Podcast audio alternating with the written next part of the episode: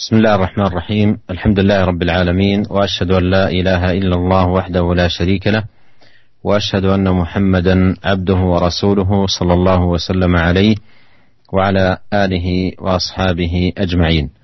أما بعد أيها الإخوة المستمعون الكرام لا نزال في باب الاقتصاد في الطاعة من كتاب رياض الصالحين للإمام النووي رحمه الله تعالى. قال وعن أنس رضي الله عنه قال دخل النبي صلى الله عليه وسلم المسجد فإذا حبل ممدود بين الساريتين. فقال ما هذا الحبل؟ قالوا هذا حبل لزينب. فإذا فترت تعلقت به. فقال النبي صلى الله عليه وسلم حلوة ليصلي أحدكم نشاطه.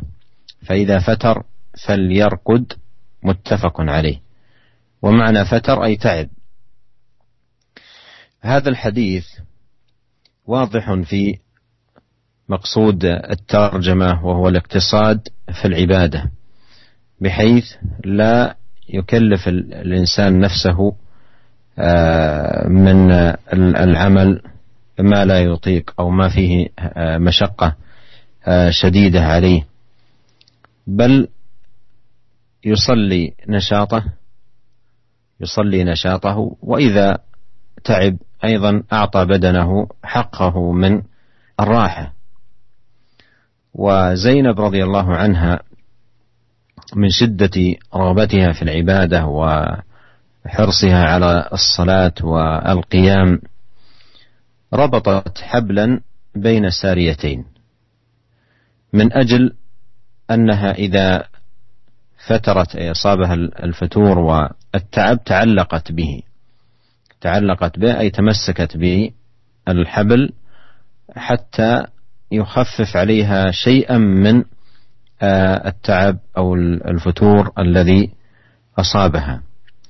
فلما رآه النبي عليه الصلاة والسلام مربوطا بين ساريتين في المسجد قال ما هذا الحبل؟ ما هذا الحبل؟ وهذا سؤال عن السبب سبب وجود هذا الحبل والغرض من وجوده. فقالوا هذا حبل لزينب رضي الله عنها. أنها إذا فترت أي في أثناء الصلاة والقيام تعلقت به. وهذا يفيد أنها تقوم قياما طويلا. كانت تقوم قياما طويلا تتعب من شدة القيام فتتعلق بهذا الحبل. فأمر عليه الصلاة والسلام بحله. قال حلوا أي حلوا هذا الحبل ولا يبقى موجودا. ثم وجه إلى الاقتصاد. قال ليصلي أحدكم نشاطه فإذا فتر فليرقد وهذا هو الاقتصاد. يعني لا يكلف الإنسان آه، نفسه من آه، العمل ما يكون فيه المشقة الشديدة والتعب الشديد أو ما لا يطيق لا يتعمق في العبادة ويكلف نفسه في من العبادة ما لا ما لا يطيق بل يصلي نشاطه. يصلي نشاطه وإذا فتر فل يرقد. بسم الله الرحمن الرحيم الحمد لله segala puji dan syukur kita panjatkan kehadirat Allah Subhanahu wa taala atas segala limpahan karunia dan nikmatnya. Salawat dan salam semoga senantiasa tercurahkan kepada suri tauladan kita junjungan kita Nabi Muhammad sallallahu alaihi wasallam juga keluarganya serta seluruh sahabat beliau tanpa terkecuali. Para pendengar yang dirahmati oleh Allah Subhanahu wa taala, kita masih dalam bab al-iqtisad fil ibadah yakni tentang uh, bersikap tengah dalam menjalankan ketaatan kepada Allah Subhanahu wa taala uh, dalam kitab yang sebagaimana uh, merupakan judul bab yang dibuat oleh Al-Imam Nawawi rahimahullah dalam kitabnya Riyadhus Shalihin. Kemudian Imam Nawawi rahimahullah membawakan sebuah hadis dari Anas bin Malik radhiyallahu taala anhu di mana Anas berkata, Nabi Shallallahu alaihi wasallam masuk ke dalam masjid. Fa idza hablun mamdudun baina sariyatain, tiba-tiba ada e, sebuah atau seutas tali yang terbentangkan di antara dua tiang-tiang masjid. Maka Nabi Shallallahu alaihi wasallam bertanya, "Ma hadzal hablu?" Ini tali apa? Maka mereka menjelaskan bahwasanya ini adalah tali yang dipasang oleh Zainab. Fa idza tafatarat ta'allaqat bihi. Kalau uh, Zainab radhiyallahu taala anha capek ketika sholat maka dia pun berpegang dengan tali tersebut. Maka Nabi Shallallahu Alaihi Wasallam berkata, "Hulluhu, lepaskan tali tersebut. Liyusalli ahadukum nasyatahu, fa idza fatara falyarqud." Lepaskan tali tersebut, hendaknya salah seorang dari kalian sholat sesuai dengan semangatnya dalam keadaan semangat. Dan jika dia dalam keadaan letih maka hendaknya dia tidur dia istirahat. Hadis ini hadis yang sahih yang diriwayatkan oleh Imam Al Bukhari dan Imam Muslim dalam sahih mereka. Para pendengar yang dirahmati oleh Allah Subhanahu Wa Taala uh, hadis ini uh, sangat jelas uh, menunjukkan tentang judul bab yang dibuat oleh Al Imam Nawawi yaitu kesederhanaan atau bersikap tengah dalam melaksanakan ibadah ketaatan kepada Allah Subhanahu wa taala. Di mana seorang tatkala beribadah jangan sampai dia membebani membebani dirinya dengan ibadah yang dia tidak mampu untuk dia lakukan atau dia membebani dirinya dengan satu ibadah yang sangat mendatangkan kesulitan yang amat sangat ya. Jangan dia bebani dirinya dengan ibadah yang tidak mampu dia lakukan atau dengan ibadah yang sangat berat dia hadapi yang amat sangat sulit baginya. Akan tapi dia beribadah dengan semangat ya, sesuai dengan uh, semangatnya ya. Jika dia kemudian tatkala beribadah merasakan letih ya, sangat letih dan amat sangat letihnya, maka hendaknya dia memberikan hak tubuhnya. Tubuhnya juga butuh istirahat. Ya, oleh karenanya jika dia sudah merasa sangat letih, hendaknya dia istirahat. Zainab radhiyallahu taala anha tatkala begitu semangatnya melaksanakan ibadah salat, begitu semangat beliau untuk melaksanakan salat malam, maka Zainab radhiyallahu taala anha pun mengikat seutas tali ya, seutas tali di antara dua tiang masjid. Kenapa maksud beliau? Ya, ketika beliau sholat, beliau sholat dan kemudian beliau merasa letih dan capek, maka beliau bisa berpegangan dengan tali tersebut untuk menghilangkan keletihan beliau sedikit ya. Sehingga beliau bisa terus bisa melanjutkan sholat malam beliau. Namun tatkala Nabi Shallallahu Alaihi Wasallam melihat tali tersebut, maka Nabi Shallallahu Alaihi Wasallam bertanya kepada para sahabat, kok ada tali yang dipasang di antara dua dua tiang masjid? Mahadal habl, tali apa ini? Fakalu hablun li Zainab. Maka mereka menjelaskan ini tali yang dipasang oleh Zainab. Ya, karena Zainab ternyata sholat malamnya sangat panjang. Senang dengan sholat malam. Ya, sampai-sampai karena saking semangatnya sholat malam, jika letih beliau kemudian memasang tali untuk berpegangan dengan tali tersebut sehingga terus melanjutkan sholat malam beliau. Akan tapi Nabi Shallallahu Alaihi Wasallam memerintahkan para sahabat untuk melepaskan tali ini. Kata Nabi Shallallahu Alaihi Wasallam, "Hulluhu." Lepaskan tali ini. Kemudian Nabi Shallallahu Alaihi Wasallam memberi pengarahan kepada para sahabat agar beribadah dengan sikap tengah. Jangan berlebih-lebihan. Kata Nabi Shallallahu Alaihi Wasallam, "Liyusalli ahadukum nasyatahu." Hendaknya salah seorang dari kalian sholat sesuai dengan semangatnya. Ya. Faida fatara falyarqud dan jika jika dia dalam keadaan lemas atau capek, maka hendaknya dia tidur yaitu istirahat. Oleh karenanya para pendengar yang dirahmati oleh Allah Subhanahu wa taala, seorang hendaknya jangan dia membebani dirinya dengan ibadah atau dengan amal perbuatan yang tidak dia mampu atau uh, amal perbuatan yang sangat berat baginya, akan tapi dia beribadah dengan iktisad, dengan sikap tengah, ya. Jika dia merasa letih atau capek, maka hendaknya dia istirahat untuk bisa melanjutkan ibadah uh, berikutnya. ثم أورد رحمه الله تعالى حديث أم المؤمنين عائشة رضي الله عنها أن رسول الله صلى الله عليه وسلم قال إذا نعس أحدكم وهو يصلي فليرقد حتى يذهب عنه النوم. فإن أحدكم إذا صلى وهو ناعس لا يدري لعله يذهب يستغفر فيسب نفسه. متفق عليه. ومعنى نعس أي أصابه النعاس وهو مقدمات النوم. فأرشد من يصلي عليه الصلاة والسلام فأصابه النعاس أن يرقد ليعطي بدنه حظه ونصيبه من الراحة. وبين عليه الصلاة والسلام أن من يصلي وهو ناعس والنعاس يغالبه لا يتمكن من آداء صلاته وعبادته وذكره لله عز وجل ودعائه بشكل جيد. بل الأمر كما قال عليه الصلاة والسلام لعله يذهب يستغفر فيسب نفسه لعله يذهب يدعو لنفسه فيدعو على نفسه بسبب حالة النعاس التي تغالبه. فأرشد عليه الصلاة والسلام في هذه الحال إلى أن يعطي نفسه حظه ونصيبه من النوم. ثم بعد ذلك يصلي نشيطا. ونلاحظ في الحديث الأول من صلى حتى بلغ مبلغا يتعب فيه التعب الشديد ولا يطيق ذلك بحيث يتعلق بشيء أو يتمسك بشيء لئلا يسقط. نهى عن ذلك من أجل أن يعطي البدن راحته قال فليرقد. أيضا إذا كان الإنسان يصلي وبحاجة للنوم والنعاس يغالبه أيضا فليرقد. فليرقد. وهذا فيه رحمة الله سبحانه وتعالى بالعباد بهذا الدين السمح الدين الذي كله يسر. وهذا من فضل الله. سبحانه وتعالى ومنه على العباد وله الحمد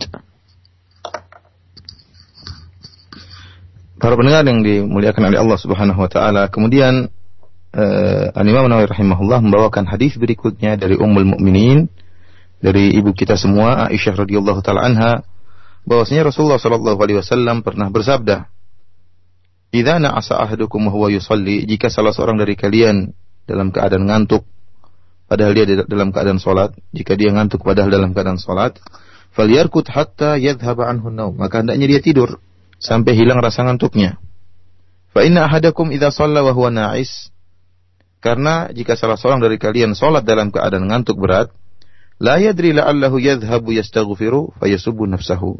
Maka dia tidak tahu bisa jadi dia ingin beristighfar kepada Allah, maka kemudian dia akhirnya mencela dirinya sendiri. Hadis ini hadis yang sahih yang diriwayatkan oleh Imam Al-Bukhari dan Imam Muslim dalam sahih mereka. Uh, yang dimaksud dengan nuas di sini ya jika seorang sholat dalam keadaan nuas yaitu uh, muqaddimatun naum pembuka uh, awal dari tidur yaitu rasa ngantuk rasa ngantuk maksudnya jika seorang sholat dalam keadaan rasa ngantuk. Dalam keadaan ngantuk berat, maka hendaknya dia tidur. Dia hendaknya memberikan uh, hak badannya, yaitu untuk beristirahat. Jika dia sholat kemudian dia didominasi oleh rasa ngantuknya dan dia tidak bisa melaksanakan sholat sebagaimana mestinya, tidak bisa berdoa kepada Allah sebagaimana, sebagaimana mestinya, maka hendaknya dia istirahat. Oleh karenanya Nabi SAW menyebutkan, mengisyaratkan dalam hadis ini, kata Nabi SAW, La yadri la'allahu yadhabu yastaghfir fayasubu nafsahu. Dia tidak tahu bisa jadi dia ingin beristighfar karena saking ngantuknya dia salah ucap maka dia malah mencela dirinya. Ya. Oleh karenanya seorang yang ngantuk berat dia tidak bisa melaksanakan sholat, tidak bisa eh, doa sebagaimana mestinya yang harus dia bisa lakukan.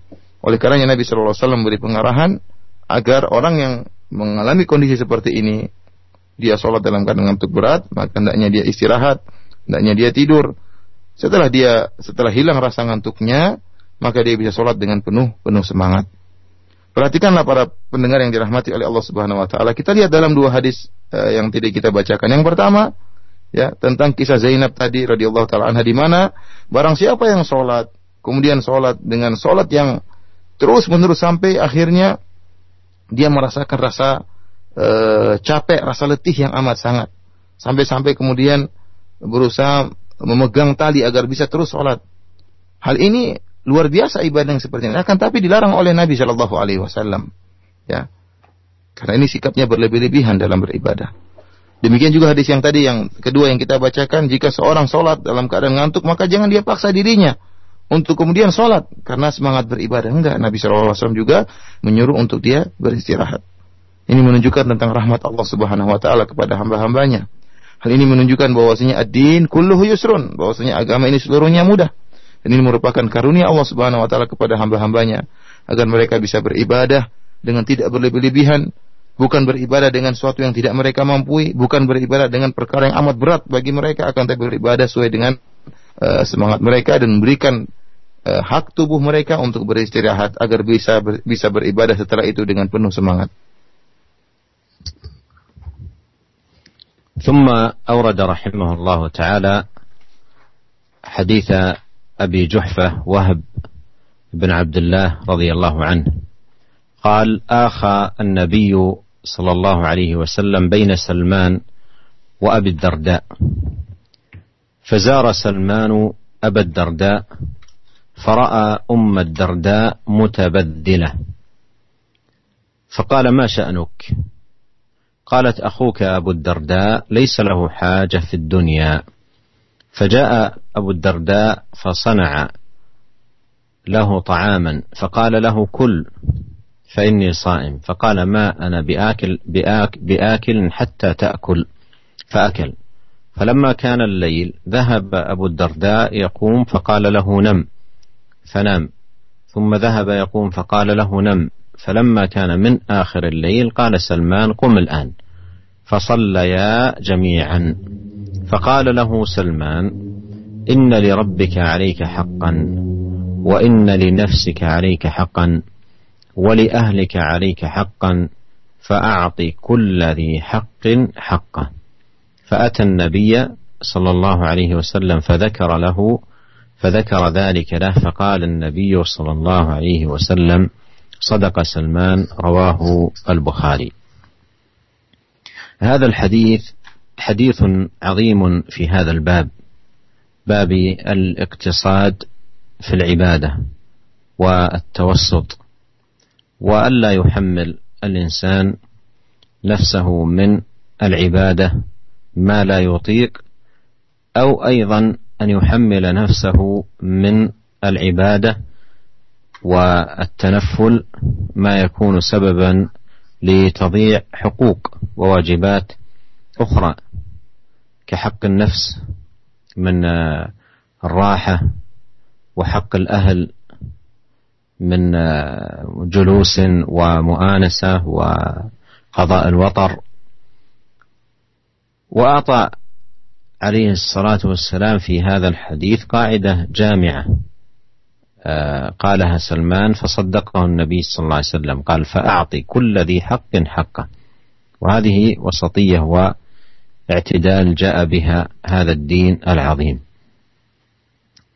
وسلمان الفارسي زار آه، بيت أخيه أبي الدرداء أخ النبي صلى الله عليه وسلم بينه وبينه فرأى أم الدرداء متبدلة أي لم تتزين ولم تتهيأ لزوجها ولم تعتني ببدنها فقال ما شأنك يعني؟ ما ما ما سبب هذا وهذا فيه أن الأصل في المرأة أن تتهيأ في بيتها التهيؤ الحسن الطيب لزوجها حتى تملأ عينه وأيضا آه، تملأ سمعه بالكلام اللطيف الجميل الطيب وأيضا آه، شمه بحيث يشم منها الرائحة الجميلة. لا ان يأتي إليها في بيتها وهي متبذلة. الرائحة غير جيدة والمنظر آه، أيضا غير جيد والكلام أيضا غير جيد. فهذه إذا كانت المرأة بهذه الصفة لا تكون أدت حق الزوج عليها بل ينبغي عليها أن تحرص على ذلك خاصة في البلاد التي يكثر فيها الفتن. إذا كانت الزوجة في البيت لا تتهيأ فهذه مصيبة عظيمة. وفيه إضرار كبير بحق هذا الزوج بينما إذا كانت تتزين وتتهيأ وتحسن ترتيب حالها فتملأ رغبته وتشبع حاجته. على كل قال فرأى أم الدرداء متبدلة فقال ما شأنك؟ قالت أخوك أبو الدرداء ليس له حاجة في الدنيا. أيضا تكني هنا أنه ليس له أيضا التفات إلى النساء أو لا إربة له أو لا, لا التفات له آه، لهذا الأمر. فلأجل ذلك أصبحت ترى أنه ليس هناك حاجة أن تكلف نفسها بالتجمع والتزين. فجاء آه آه نعم فجاء أبو الدرداء فصنع له طعاما. فقال له كل. قال أبو الدرداء لسلمان كل. قال إن آه نعم قال سلمان لأبي الدرداء كل. قال فإني صائم. قال ما أنا بآكل, بآكل حتى تأكل. حتى تأكل. فأكل. فلما كان الليل. ذهب أبو الدرداء يقوم قال له نم. فنام. ثم ذهب يقوم فقال له نم. فلما كان من آخر الليل قال سلمان قم الآن فصليا جميعا.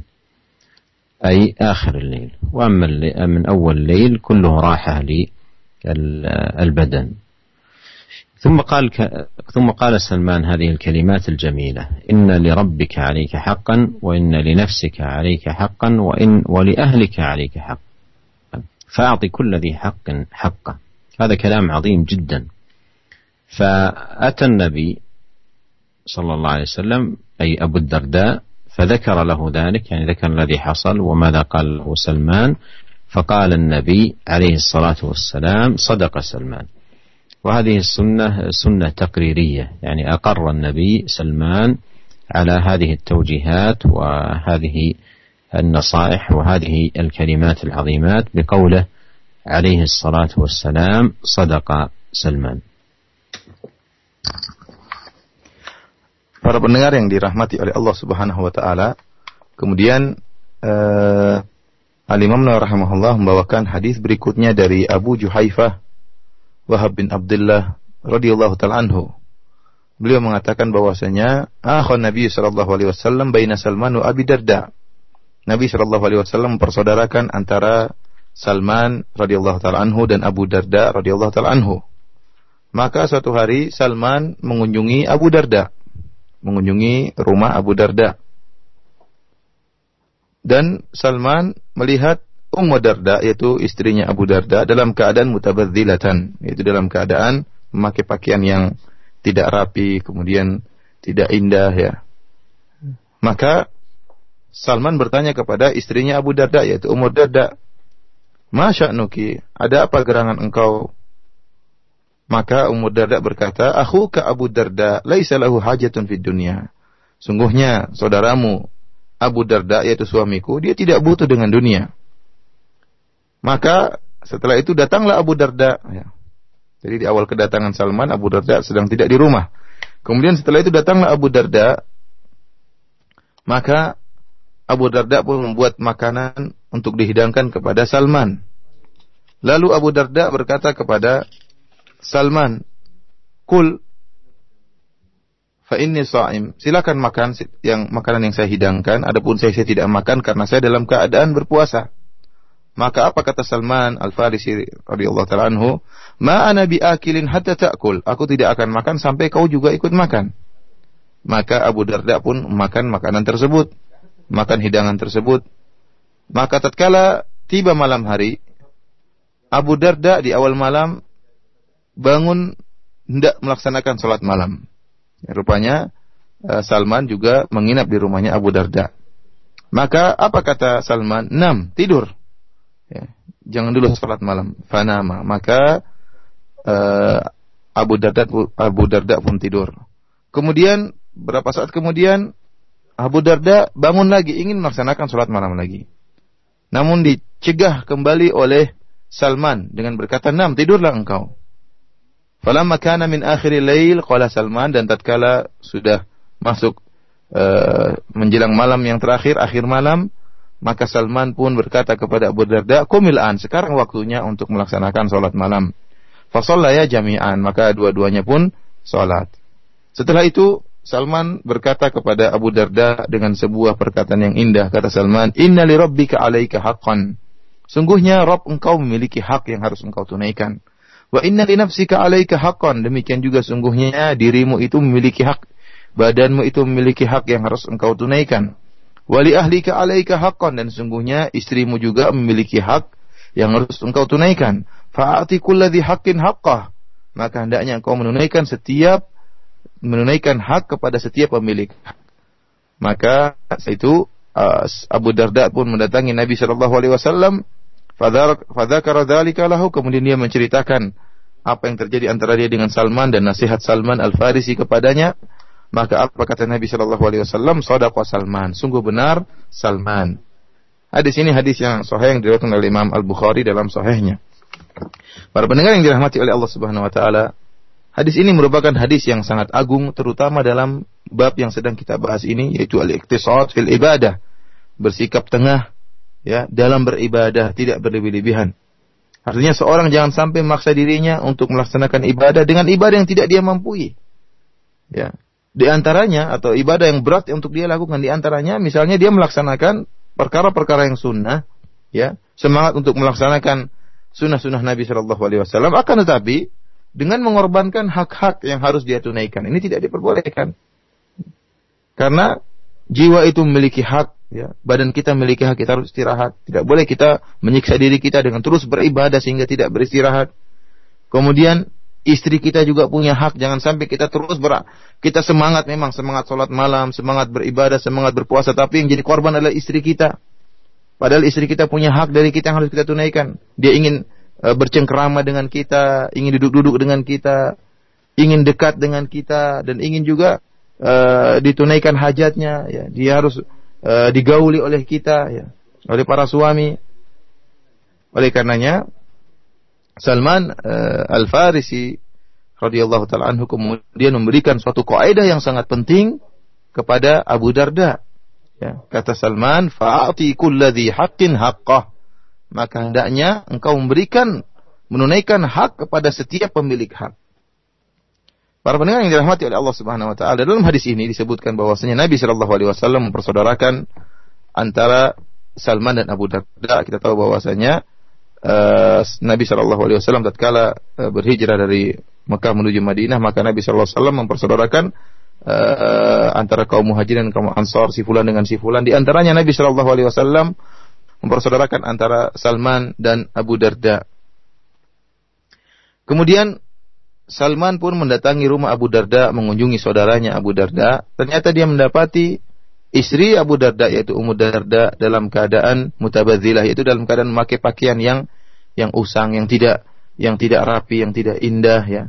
Tidak pemandangannya kurang bagus padahal e, sungguhnya asalnya seorang wanita itu harus mempersiapkan dirinya untuk bertemu dengan suaminya.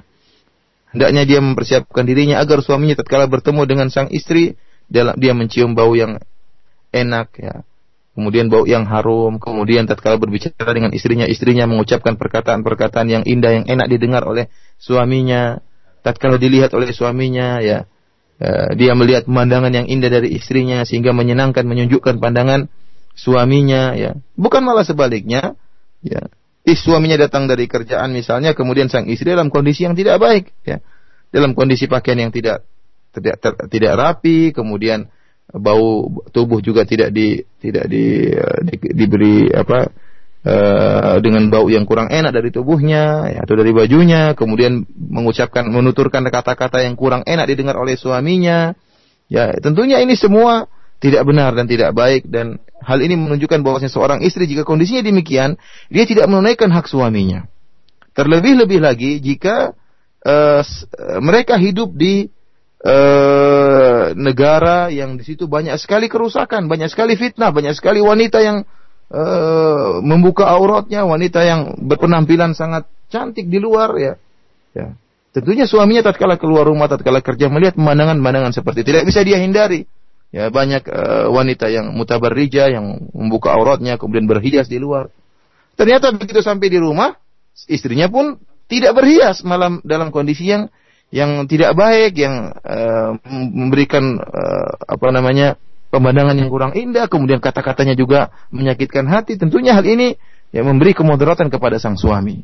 Dia baru di luar kerja melihat pemandangan yang indah, begitu pulang ke rumah mendapati pemandangan yang buruk ya.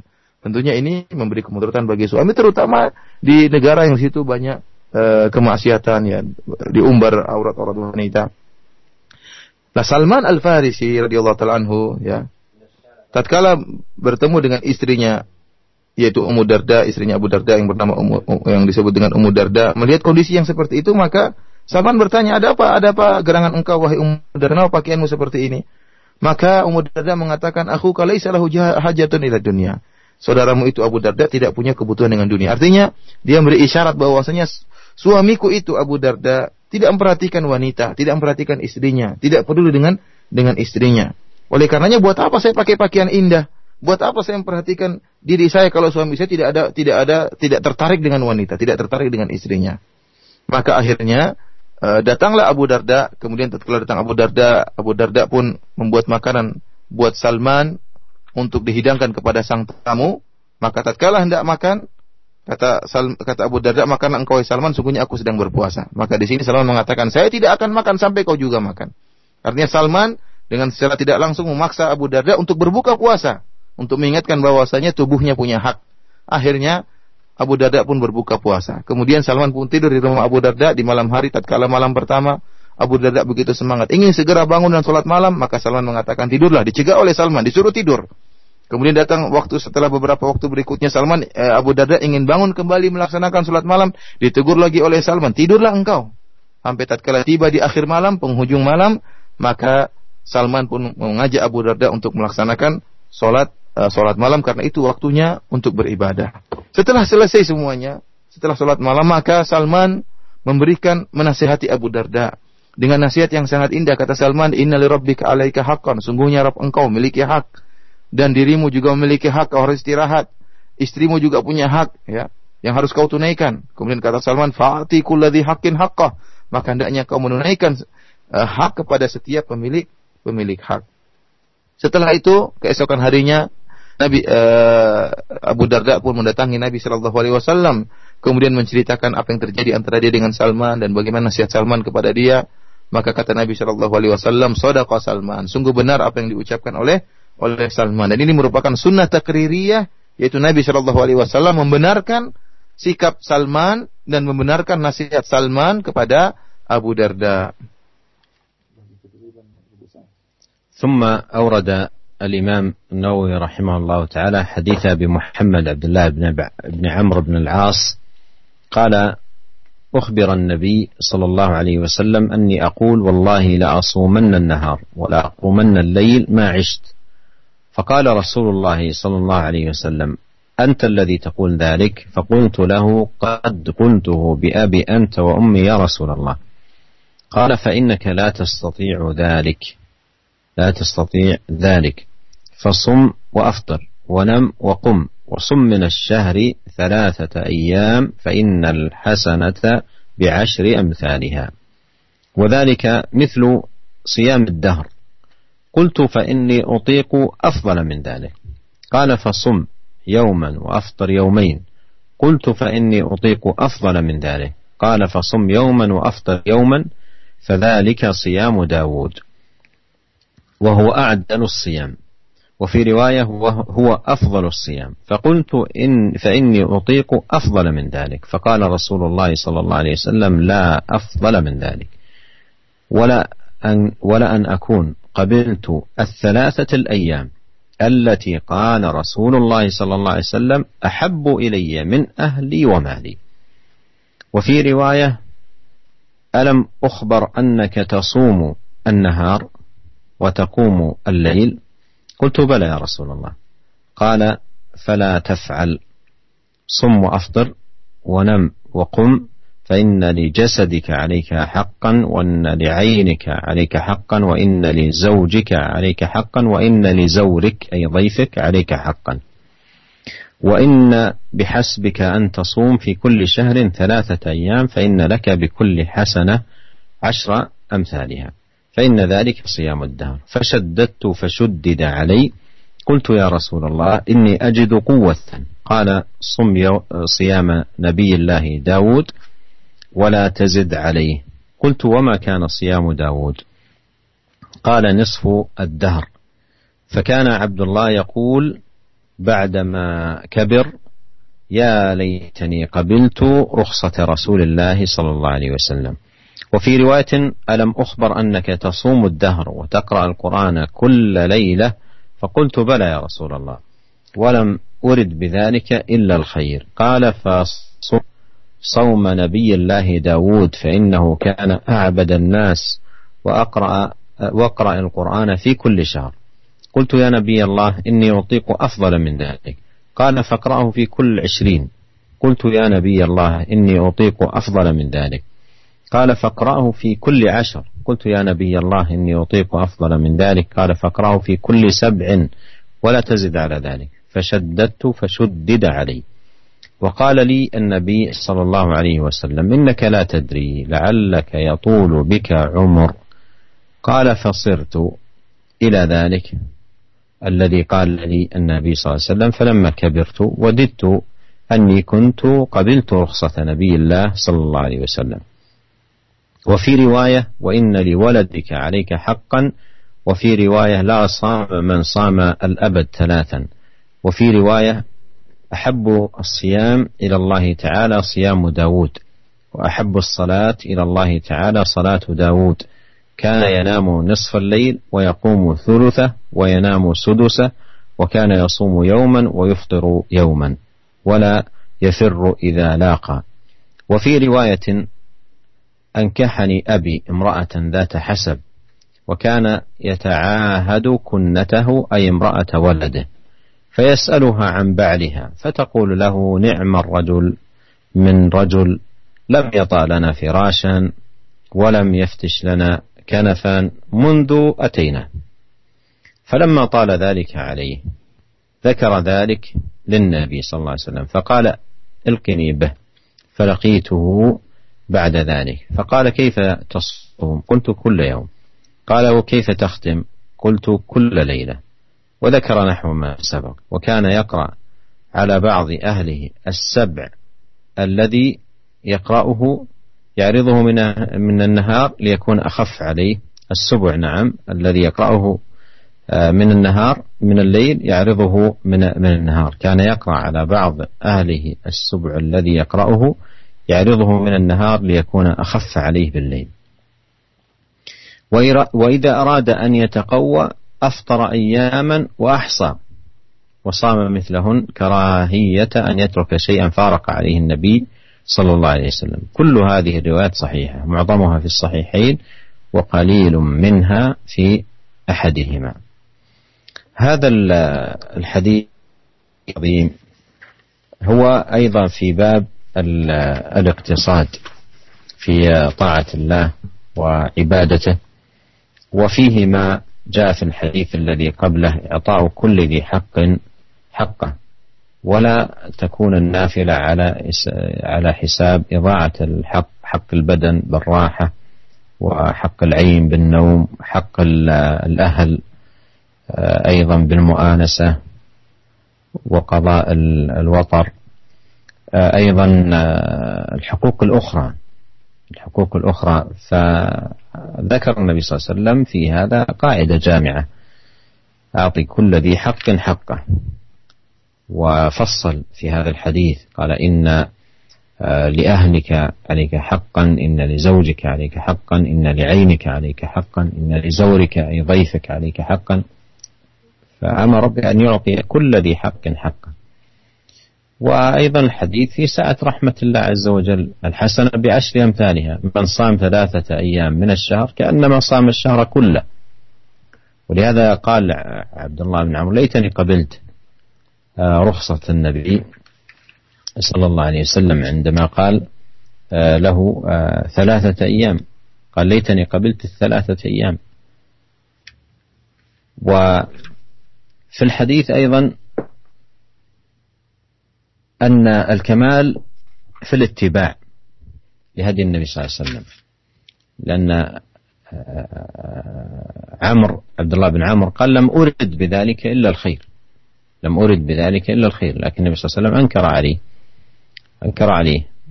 فما كل من أراد الخير أدركه. قد يكون إنسان أراد الخير فيعمل أعمالا فيها تشديد على آه، النفس وتحميل لها ما لا تطيقه ويكون فعل ذلك من باب إرادة الخير فلا يكفي آه، فقط إرادة الخير بل لابد من آه، موافقة العمل الهدي هدي النبي الكريم عليه الصلاة والسلام.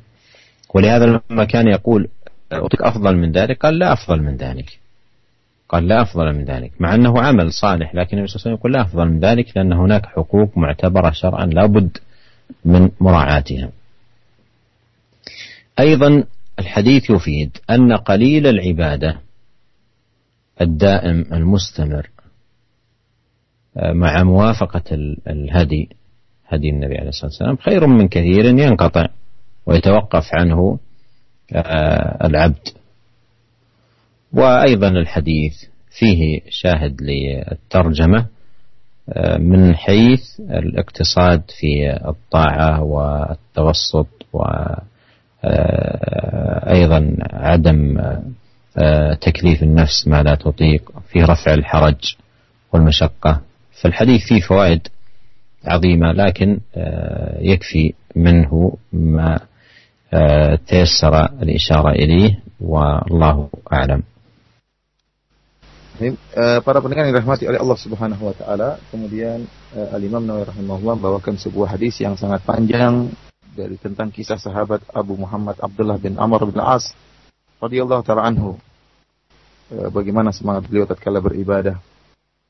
Di mana sahabat Abdullah bin Amr bin As radhiyallahu anhu berkata, eh, telah dikabarkan kepada Nabi Shallallahu alaihi wasallam bahwasanya aku berkata, demi Allah aku akan berpuasa setiap hari dan aku akan uh, terus tiap uh, salat malam selama hidupku.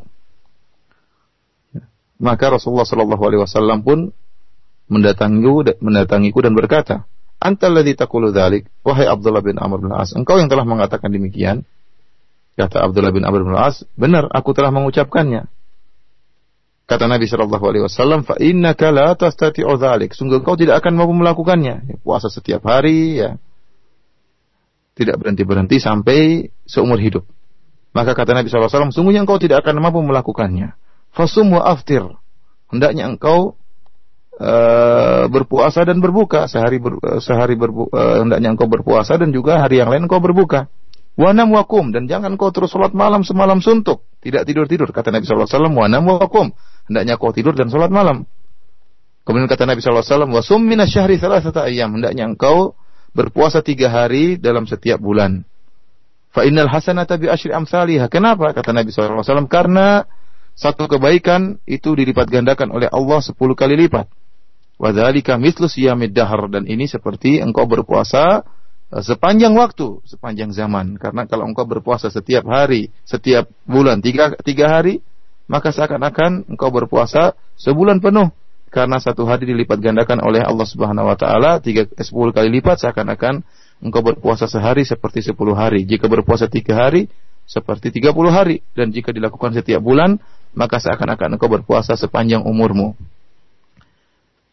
Apa kata Abdullah bin Amr bin As tatkala mendengar tawaran Nabi untuk berpuasa tiga hari dalam sebulan? Kata Abdullah bin Amr bin As, "Fa inni utiku afdhala min dzalik." Saya mampu lebih daripada itu wahai Rasulullah. Kata Nabi sallallahu alaihi wasallam, "Fasum yauman wa aftir yaumain." Kalau begitu puasa sehari, berbuka dua hari. Kata Abdullah bin Amr bin As, "Fa inni utiku afdhala min dzalik." Saya mampu lebih daripada itu wahai Rasulullah. Kata Nabi sallallahu alaihi wasallam, "Fasum yauman wa aftir yauman." Kalau gitu berpuasalah engkau sehari dan berbuka sehari sehari yang lain engkau berbuka. Fadzalika siyamu Daud alaihissalam dan itu itu adalah puasanya Nabi Daud alaihissalam. Wa huwa a'dalus siyam dan itu adalah puasa yang paling baik. Dalam riwayat yang lain kata Nabi sallallahu alaihi wasallam, "Wa huwa afdalus siyam," itu puasa yang paling afdal. Puasanya Nabi Daud alaihissalam. Maka apa kata Abdullah bin Amr bin Al-As? Fa inni utiku afdala min dzalik. Wahai Rasulullah, aku lebih mampu, aku mampu lebih daripada itu. Kata Rasulullah SAW, aku, kata Abdullah bin Abdul As, aku mampu melakukan yang lebih afdal daripada itu. Kata Nabi Shallallahu Alaihi Wasallam, la afdal min dzalik. Tidak ada yang lebih baik daripada puasanya Nabi Daud. Kemudian apa kata Abdullah bin, bin Amr bin As? Kalau seandainya saya menerima ya tawaran Nabi untuk berpuasa tiga hari setiap bulan, ya tentunya ini lebih aku suka daripada keluargaku dan daripada hartaku. Ini ucapan Abdullah bin Amr bin As kalau dia sudah mencapai masa tua, dia mengingat kembali ya tawaran Nabi Shallallahu Alaihi Wasallam tatkala dia masih muda begitu semangat dia ber, beribadah dia mengatakan seandainya dulu saya menerima tawaran Nabi agar berpuasa tiga hari setiap bulannya. Dalam riwayat yang lain, Nabi Shallallahu Alaihi Wasallam berkata kepada Abdullah bin Amr bin As radhiyallahu taala Aku telah dikabarkan bahwasanya engkau berpuasa setiap hari dan engkau salat malam semalam suntuk setiap malam. Maka kata Abdullah bin Amr bin As, benar wahai Rasulullah.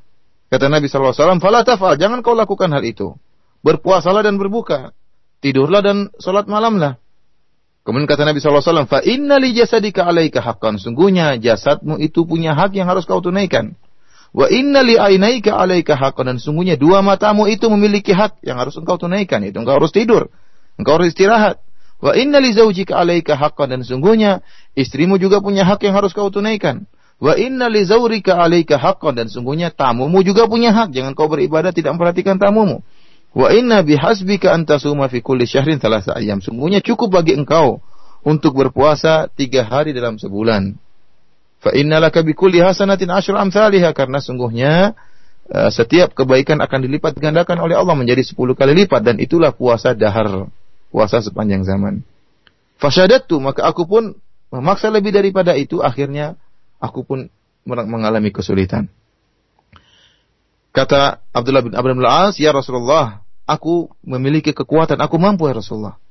Aku mampu lebih daripada itu." Kata Nabi SAW, "Kalau gitu, puasalah engkau sebagaimana puasanya Nabi Daud alaihissalam dan jangan lebih daripada itu." Aku berkata kepada Nabi SAW, apa sih puasa Nabi Daud? Kata Nabi SAW, nisfud dahar, yaitu berpuasa setengah masa, karena berpuasa sehari dan berbuka sehari.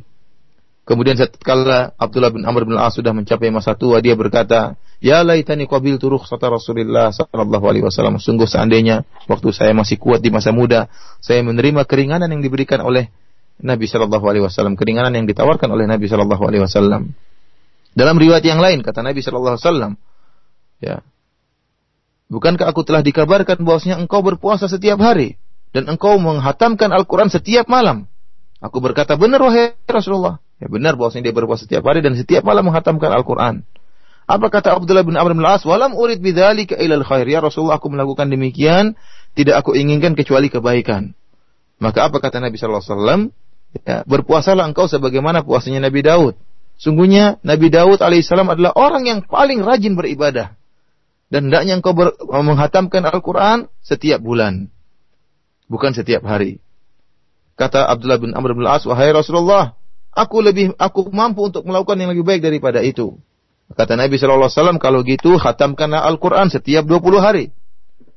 Abdullah bin Amr bin Al-As berkata, wahai Nabi Allah, wahai Rasulullah, aku mampu untuk melakukan yang lebih baik daripada itu. Kata Nabi Shallallahu Alaihi Wasallam, kalau begitu hatamkan Al-Quran setiap 10 hari. Kata Abdullah bin Amr bin As, wahai Rasulullah, aku mampu lebih daripada itu. Kata Nabi SAW, maka khatamkanlah Al-Quran setiap tujuh hari, wala tazid ala dhalik. Dan jangan kau lebih daripada itu lagi. Cukup uh, khatam Al-Quran setiap tujuh hari, setiap pekan. Fasyadatu fashuddida alaiya. Kata Abdullah bin As, aku uh, apa apa namanya memaksakan diriku akhirnya aku merasa berat Kemudian kata Nabi Shallallahu Alaihi Wasallam kepada Abdullah bin Amr bin As, Inna la tadri la'allaka yatulu bika umur. Wahai Abdullah bin Amr bin As, engkau tidak tahu bisa jadi Allah memanjangkan umurmu. Dan ternyata benar kata Abdullah bin Amr bin As, aku dipanjangkan umurku oleh Allah Subhanahu wa taala dan tatkala aku mencapai masa tua, aku ber, berangan-angan kalau seandainya dulu saya menerima aku menerima keringanan yang ditawarkan oleh Nabi Shallallahu alaihi wasallam. Dalam riwayat yang lain, uh, Nabi Shallallahu Alaihi Wasallam berkata, sungguhnya anakmu memiliki hak dan tidak ada puasa bagi orang yang berpuasa dahar berpuasa tiap hari tidak ada nilai puasanya. Rasulullah SAW menekankan sampai tiga kali. Tidak ada puasa bagi orang yang berpuasa setiap hari. Tidak ada puasa bagi orang yang berpuasa setiap hari. Dalam riwayat yang lain, Nabi Shallallahu Alaihi Wasallam mengatakan, puasa yang paling dicintai oleh Allah Subhanahu Wa Taala adalah puasanya Nabi Daud. Dan solat yang paling dicintai oleh Allah Subhanahu Wa Taala solatnya Nabi Daud beliau uh, tidur setengah malam, kemudian beliau uh, sholat malam sepertiga malam, kemudian beliau tidur lagi uh, seperenam malam. Kemudian Nabi Daud alaihissalam berpuasa sehari dan berbuka sehari dan beliau tidak lari dari peperangan tatkala bertemu dengan musuh. Dalam riwayat yang lain, Abdullah bin Amr bin As berkata, ayahku menikahkan aku dengan seorang wanita yang memiliki kedudukan. Dan ayahku senantiasa memperhatikan menantunya. Ya. Maka suatu saat ayahku datang kepada istriku dan bertanya tentang suaminya, tentang diriku. Maka istriku berkata, sungguh baik sekali suamiku, ya. Suamiku itu tidak pernah uh, tidur denganku dan tidak pernah memperhatikan kondisiku sejak kami tinggal bersama, begitu kondisinya. Akhirnya hal ini pun dilaporkan kepada Nabi Shallallahu Alaihi Wasallam. Maka Nabi Wasallam mengatakan, datangkan Abdullah bin Amr bin As, aku ingin bertemu dengannya. Maka Abdullah bin Amr bin As pun bertemu dengan Nabi Wasallam. Kemudian uh, disebutkan sebagaimana tadi hadis-hadis yang telah lalu, riwayat yang telah lalu. Maka Nabi Wasallam bertanya kepadaku, bagaimana engkau berpuasa? Aku berkata, aku berpuasa setiap hari. Bagaimana engkau menghatamkan Al-Quran? Aku berkata, aku ber menghatamkan Al-Quran tiap malam. Oleh karenanya Nabi Shallallahu Alaihi Wasallam kemudian menasihati uh, Abdullah bin Amr bin As untuk menghatamkan Al-Quran setiap tujuh hari, setiap pekan. Akhirnya Abdullah bin Amr bin As akhirnya menghatamkan Al-Quran setiap tujuh hari, setiap pekan.